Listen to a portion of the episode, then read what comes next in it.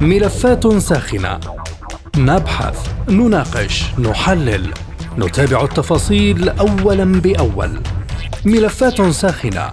برنامج يلقي الضوء على كل الملفات. مع باقة من أبرز المحللين والمسؤولين. أهلا بكم مستمعي راديو سبوتنيك أينما كنتم وهذه حلقة جديدة في برنامج ملفات ساخنة. معكم في هذه الحلقة خالد عبد الجبار. أكد وزير النفط الكويتي سعد البراك الأربعاء أن ترسيم الحدود مع إيران يمثل خطوة أولى نحو حل أزمة حقل الدرة للغاز والنفط الذي تطالب طهران بحصة منه. ووجهت المملكة العربية السعودية رسالة إلى إيران بشأن المنطقة البحرية التي يقع فيها حقل الدرة للغاز وجددت دعواتها السابقة للجانب الإيراني للبدء في مفاوضات لحل الخلافات المتعلقة بالحقل.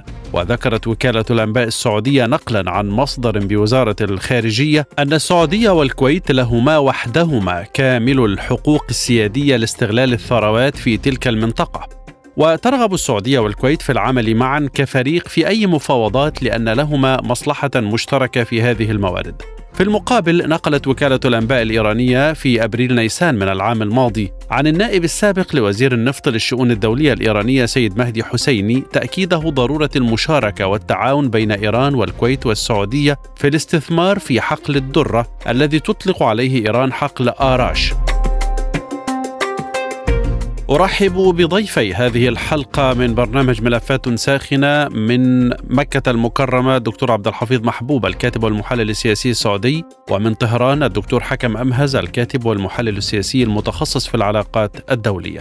مرحبا بكما وأبدأ معك دكتور عبد الحفيظ محبوب وأسألك هل يتسبب حقل الدره النفطي اذا في ضوء هذه المعطيات في أزمة بين إيران ودول الخليج؟ حقيقة يعني يبدو آه، الحقل حقل الدرة. آه، الخلاف هو ليس وليد حقيقة اللحظه وإنما هو منذ 1967 آه، حينما اكتشف الحقل فإيران تبعد عن الكويت 200 كيلو.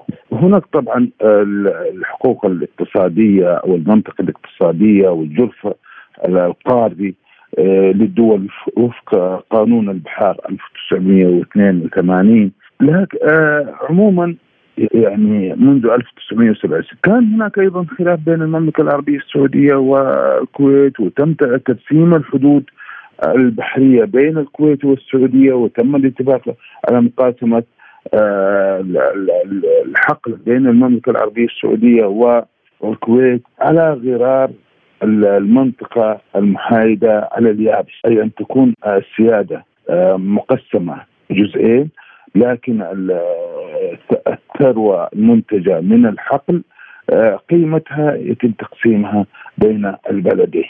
آه، أعتقد هذا حدث في ألف يعني في 2000 2021 و 2022 كذا اتفاق بعد ترسيم الحدود البحرية.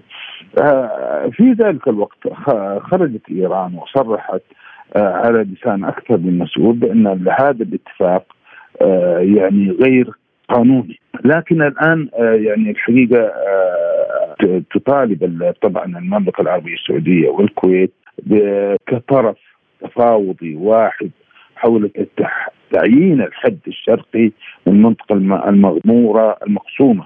يعني وأنا أعتقد في 28 مارس 2023 أعلن وزير النفط الإيراني جواد أوجي القيام بعمليات حفر في الحقل المغمور هم يسمونه آرش. باعتبار أن هناك أجزاء من الحقل في نطاق آه، أجزاء من الحقل وليس كل الحقل كما يدار في الإعلام. في نطاق المياه غير محددة بين إيران والكويت. أنا أعتقد آه، يعني هناك زوبعة إعلامية آه هذه الزوبعة الإعلامية هي تتصل أيضا آه بعدم رضا الولايات المتحدة وبشكل خاص وبشكل خاص إسرائيل التي كانت آه، يعني تتمنى أو تطمح إلى إقامة علاقات آه سعودية إسرائيلية لكن فوجئت بأن المملكة العربية السعودية أنها تطالب بتطبيق المبادرة العربية في 2002 وأيضا أن يكون لديها مفاعل نووي على سلمي على غرار المفاعل النووي الموجود في إسرائيل، أيضا تكون لديها قوة موازيه للقوة الموجودة في إسرائيل، انزعجت إسرائيل من هذا من هذه الشروط الكبيرة جدا. أنت أشرت إذا إلى أن هذا الخلاف قديم، لماذا طفى على السطح الآن؟ هو اعلاميا طفى على السطح. وقد تكون وقد تكون إيران أيضا آه، تستخدم تستخدمه ورقة للضغط على ملفات أخرى. هناك في الملف النووي لأن المملكه العربيه السعوديه دول الخليج تطالب أن تكون آه، عضوا في آه، المفاوضات النووية ما بين الغرب وإيران. بينما لا زالت حتى الآن الولايات المتحدة تقايض إيران بشكل مفرد حتى بعيدا عن الدول الأوروبية ودول الخليج. عموما أيضا هذا لا يهم كثير المملكة العربية السعودية. أنا في ظني أنها هي زوبعه إعلامية لتحقيق أهداف سياسية سواء لإيران آه، سواء لإسرائيل الولايات المتحدة. فالموضوع أنا أعتقد الآن آه، المملكة العربية السعودية والكويت يطالبان آه، ايران بترسيم الحدود البحرية. آه، هناك آه، ليست بين المملكة العربية السعودية وإيران وإنما بين إيران والكويت.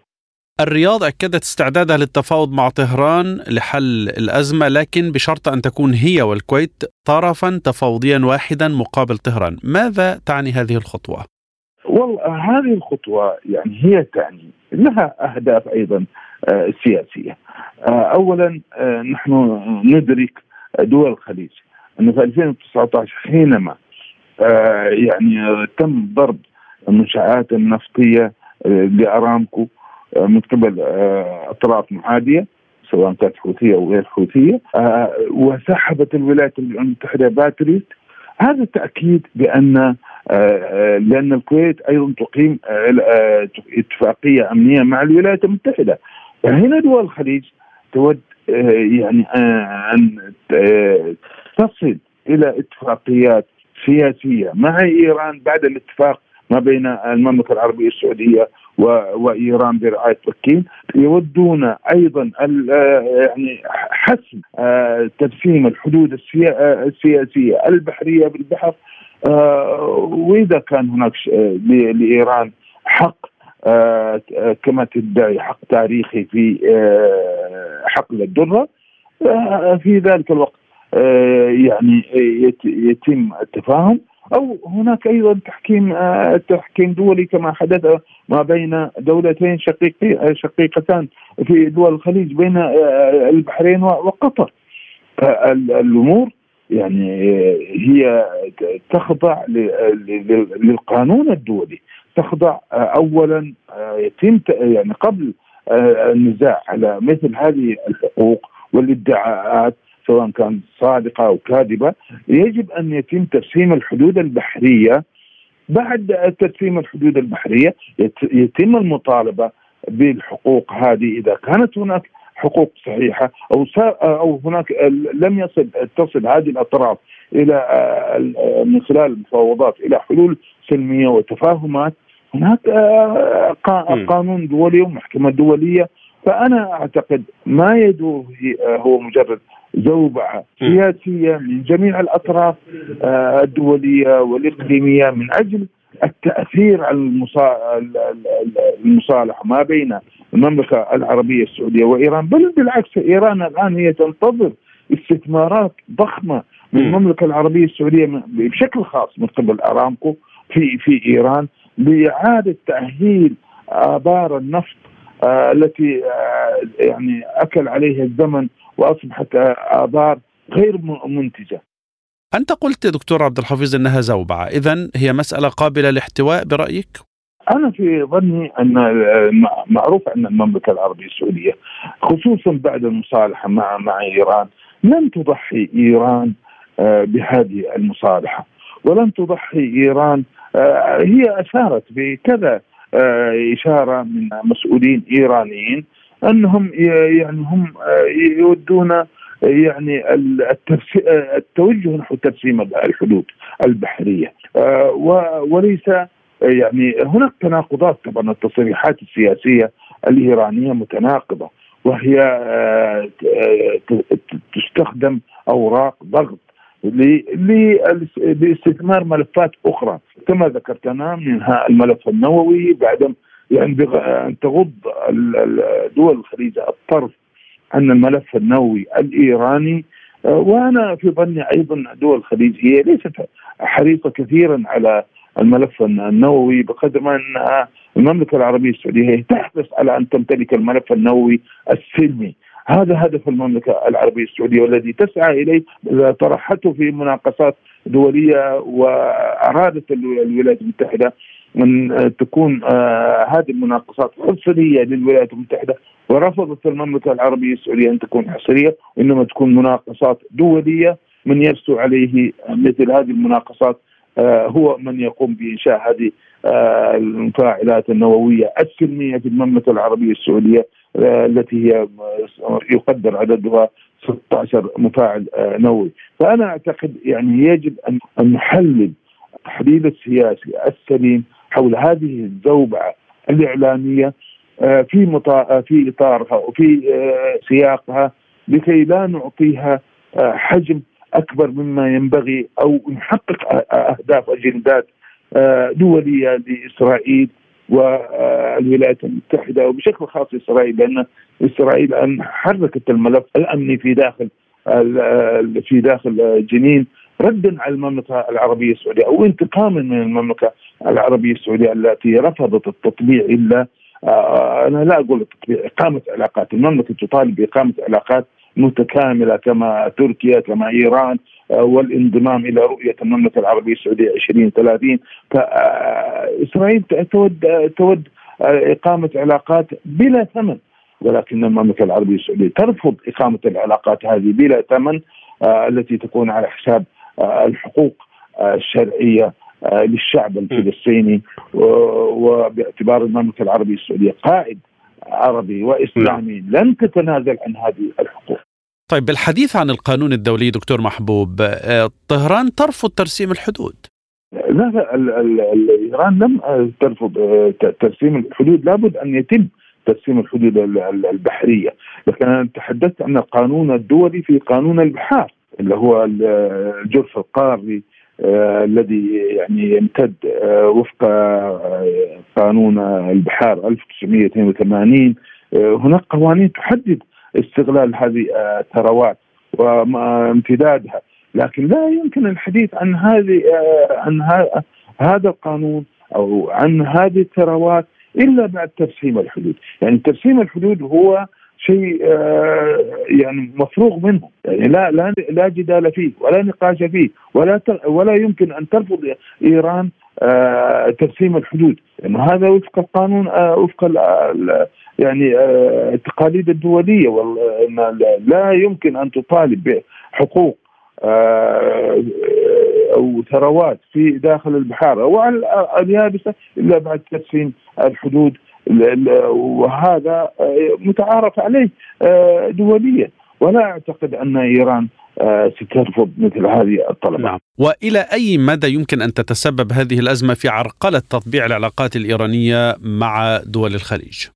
لا لا لا لا ما لا أعتقد العلاقات متواصلة بالعكس والعلاقات تتعزز وبقوة يعني خصوصا بعد إقامة السفارتين في الرياض وفي طهران أنا أعتقد الخلافات موجودة. كثير من الملفات فيها خلافات. في في لبنان في سوريا في اليمن في في لكن أنا أعتقد هذا الاتفاق هو يعني عزز المصالح أكثر من الخلافات، الخلافات لا تزال ويمكن حلها في إطارها السياسي السلمي خصوصا وأن هناك مصالح يعني اقتصادية كبرى بين المملكة العربية السعودية وطهران. التبادل التجاري. إيران دولة كبيرة جدا. يعني أصبحت معزولة يعني فترة طويلة من الزمن. أن منطقة الخليج منطقة يعني ثلثين ثلثي الاقتصاد العربي. يعني أكثر من 2 تريليون دولار. الاقتصاد الإيراني هبط إلى نصف الاقتصاد الإماراتي إلى أقل من 200 مليار دولار. بينما يفترض أن تكون إيران يعني كانت إيران دولة اقليميه كبيرة على غرار تركيا. تركيا يعني اقتصادها الآن رغم أن المملكة العربية السعودية تقدمت عليها في في مجموعة العشرين أصبح 16 واصبحت تركيا 17 لكن كانت الاقتصاد التركي يعني قريب من التريليون دولار. الآن المملكة العربية السعودية تخطت التريليون دولار فلا يعقل أن تبقى إيران منهارة بهذا الشكل وهي قوة إقليمية وتمتلك من الموارد تمتلك ثاني احتياطي غاز في في في العالم بعد روسيا تمتلك 34 تريليون من متر مكعب من الغاز تمتلك أيضا قدرة نفطية. لكن البنية التحتية منهارة بسبب العقوبات التي كانت مفروضة عليها وبسبب مشاريع الحرس الثوري في المنطقة العربية التي صمدت أمامها المملكة العربية السعودية وحجمت هذا التمدد الإيراني في المنطقة العربية في في اليمن. صح صحيح أنه كان له أثمان عالية دفعتها المملكة العربية السعودية، لكن المملكة العربية السعودية تواصل نموها الاقتصادي ونمى اقتصادها وحققت تقدم في مجلس في مجموعة العشرين من 18 الآن هي في الترتيب 16 يعني نمى اقتصادها من 600 مليار دولار إلى أكثر من تريليون دولار بينما العكس إيران انخفض الاتجاه الاقتصادي فأنا أعتقد هذه كلها مقومات تعزز بقاء عودة العلاقات ما بين إيران والمملكة العربية السعودية. ولا يمكن التراجع في هذه العلاقات بمجرد خلاف حول يعني حقل غازي لا يمثل. يعني إيران لديها احتياطيات 34 تريليون متر مكعب من الغاز. هذا الحقل 200 مليار فقط.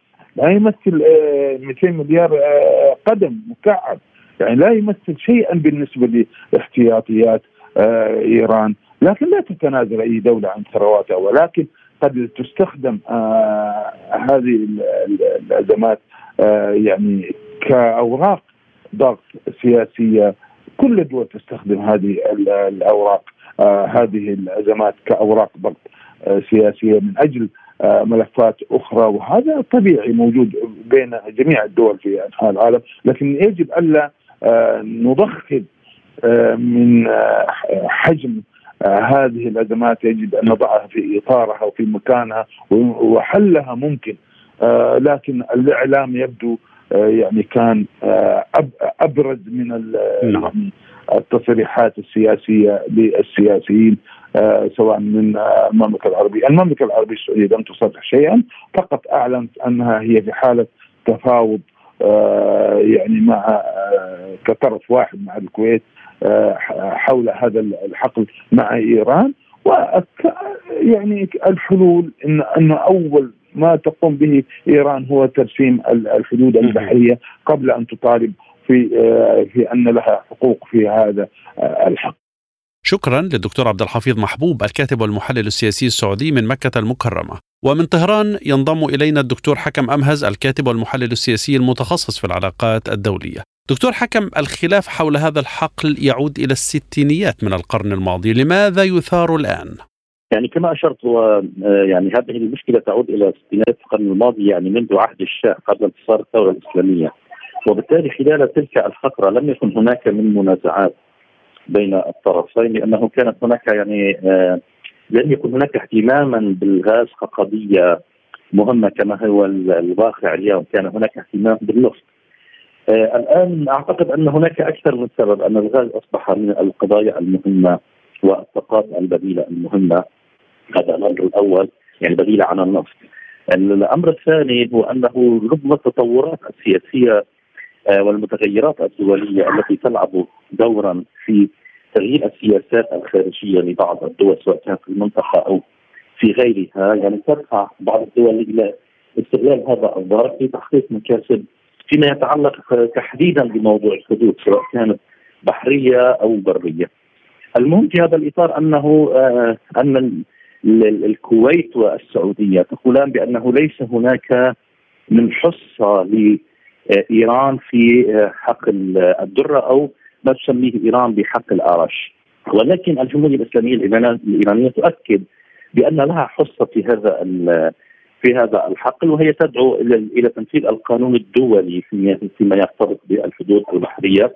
وكانت هناك مفاوضات مكثفة خلال السنوات الماضية بين الإيرانيين والكويتيين حول الموضوع. ولكن ما استجد اليوم هو الإعلان السعودي الكويتي المشترك عن آه، البدء باستثمار هذا الحقل بعيدا عن المفاوضات مع إيران. وبطبيعة الحال هذا لا يعني لا يصرف كما يقولون في القانون الدولي ولا يصرف فيما يتعلق بالحدود المجاورة والدول المجاورة لبعضها فيما يتعلق بتقسيم الحدود وغيرها، من هنا آه الآن ما يحصل هو لا أعتقد أنه تطور كبير إنما هو يأتي في سياق معين مرتبط بالاختلاف على الحدود البحريه بين الطرفين.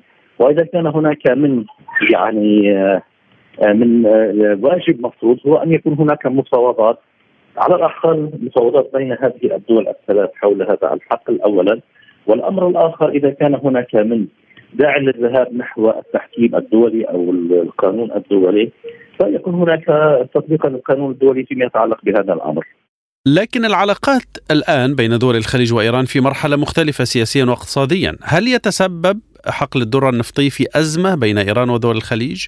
أنا لا أعتقد لا لا أعتقد أن يعني حادثة أو واقعة مثل هذا الأمر يمكن أن تغير في المسار القائم بين الدولتين لأن موضوع القرار فيما يتعلق بالعلاقات الإيرانية السعودية هو قرار اتخذ بأعلى المستويات في كلا الدولتين وهو قرار استراتيجي وتاريخي. هكذا يوصفه الطرفان.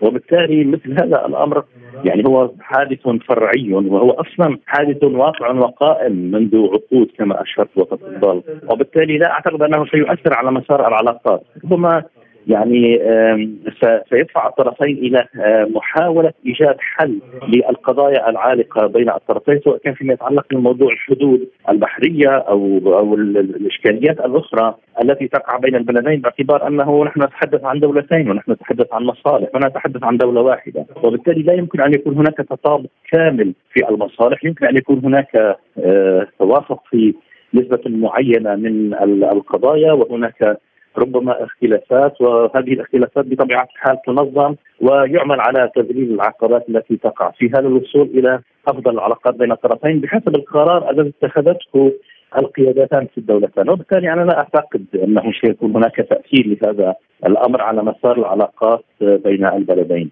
كيف سيتم احتواء الأزمة ووفق أي صيغة تراها أنت دكتور؟ أنا بتقديري أنه سيكون نفس المسار الذي سلكته هذه القضية في العقود الماضية أنه سيكون هناك مفاوضات سياسية وإذا كان هناك من قرار حاسم لكلا الطرفين آه، في الموضوع. يمكن أن تذهب الأمور إلى القانون الدولي والتحكيم الدولي فيما يتعلق بهذه القضية. ولا أعتقد أنه يعني سيكون لهذا الأمر يعني ما يترتب عليه آه، من سلبيات. يمكن أن تؤثر على مسار العلاقات سواء كان بين إيران والسعودية أو إيران والكويت لأنه نحن نعرف أن هناك مفاوضات كما أشرت في السنوات الماضية كانت المفاوضات بشأن هذا الحقل تجري بين آه، إيران والكويت. ولكن ايران فوجئت بالقرار السعودي الكويتي آه، بالبدء بالتنقيب عن الغاز دون التفاوض مع معها وأيضا بأنه يعني لم يكن هناك حل لهذه المشكلة الحدودية البحرية بين الطرفين وبالتالي اتخذ القرار إذا صح التعبير بشكل منفرد وهذا بطبيعة الحال يعني ليس جيدا فيما يتعلق بالعلاقات الدبلوماسية بين هذه الدول الثلاث. لكن طهران قبل ذلك رفضت مسألة ترسيم الحدود، لماذا برأيك؟ لا ليس هناك من من من رفض إيراني في هذا الإطار، إيران تقول أن لديها حصة، أما السعودية هي التي تقول انه هي والكويت تقول أنه ليس لإيران حصة في الموضوع، وهنا الإشكالية يعني لا يعني ليس هناك من آه من رفض إيراني لهذا الأمر ولكن هناك متابعة من قبل كلا الأطراف للتأكيد على حقه في هذا الموضوع. فلذلك إيران آه، يعني بدأت منذ فترة يعني بعمليات التدقيق في هذا الموضوع والبحث آه، والتنقيب والتأكيد على أن على على حصتها في هذا الحق. آه، ومن هنا تعتبر بما أنها وصلت إلى نتائج أن لها حصة في هذا الحق. فبالتالي يجب أن يكون هناك القرار مشترك فيما بين الدول الثلاث. وأيضا هي لا ترفض لانها يعني هي يعني تؤكد على القانون الدولي فيما يتعلق بالحدود البحرية وهي كما أشرنا بما أنه الآن في مسار جديد آه، مع مع السعودية تحديدا. أنا أعتقد أنها يعني يعني هي آه، ترى أنه من الأفضل حل المشاكل عبر القانون الدولي وليس عبر القرارات الارتجالية. طيب مسألة أنه الرياض أكدت استعدادها للتفاوض لكن بشرط أن تكون هي والكويت طرفا تفاوضيا واحدا هل ماذا يعني ذلك بالنسبة لإيران وهل يمكن أن ترفضها طهران؟ أنا لا أعتقد أن إيران يمكن أن ترفضها لأن الأصل هناك اتفاق سعودي كويتي آه، في فيما يتعلق بهذا الأمر، لكن آه، بطبيعة الحال المفاوضات لا تجري بين دولتين مع دولة واحدة. بمعنى أنه عندما تريد أن ترسم حدودا مع دولة لا يمكنك أن تذهب وتأخذ رأي الدولة الأخرى. يعني وبالتالي هذا الأمر أعتقد أنه هو هذه المشكلة. يعني عندما تريد أن ترسم الحدود مع الكويت. لا يمكن أن تقبل بأن يكون هناك السعودية لها دور في الموضوع لانها حدود إيرانية كويتية.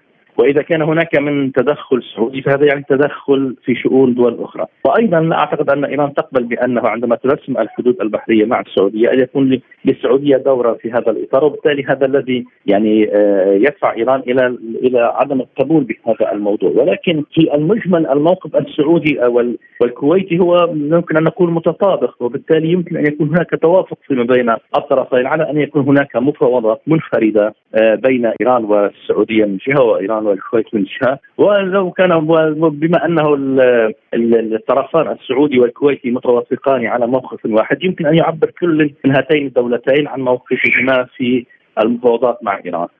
إلى أي مدى يمكن أن تتسبب هذه الأزمة في عرقلة تطبيع العلاقات الإيرانية مع دول الخليج؟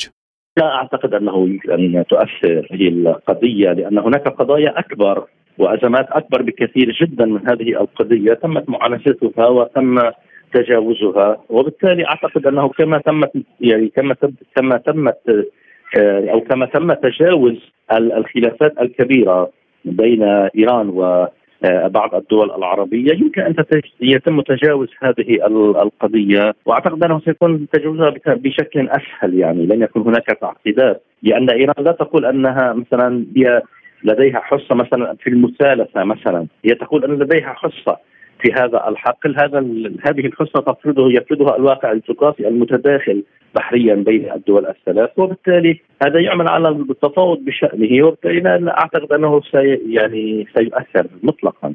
لكن سوابق المشاكل الحدودية بين إيران ودول الخليج دكتور أمهز لم تحل مثل الجزر الثلاث مع الإمارات أم أن الأمر مختلف هنا؟ لا هنا الأمر مختلف تماما تماما. الأمر مختلف لأن إيران فيما يتعلق بالجزر الثلاث تقول أن هذه الجزر الثلاث هي آه، هي لها، أما فيما يتعلق بموضوع البحر فإيران لا تنفي بأن للكويت والسعودية حق في هذه الحدود البحرية المشتركة، إنما تقول أن لها حصة وبالتالي يعني هناك مشاركة بين الدول الثلاث في هذا الأمر. شكرا للدكتور حكم أمهز الكاتب والمحلل السياسي المتخصص في العلاقات الدولية من طهران. وشكرا لكم مستمعينا الكرام. للمزيد زوروا سبوتنيك دوت اي مستمعينا بهذا نصل وإياكم إلى نهاية هذه الحلقة من برنامج ملفات ساخنة. طابت أوقاتكم وإلى اللقاء.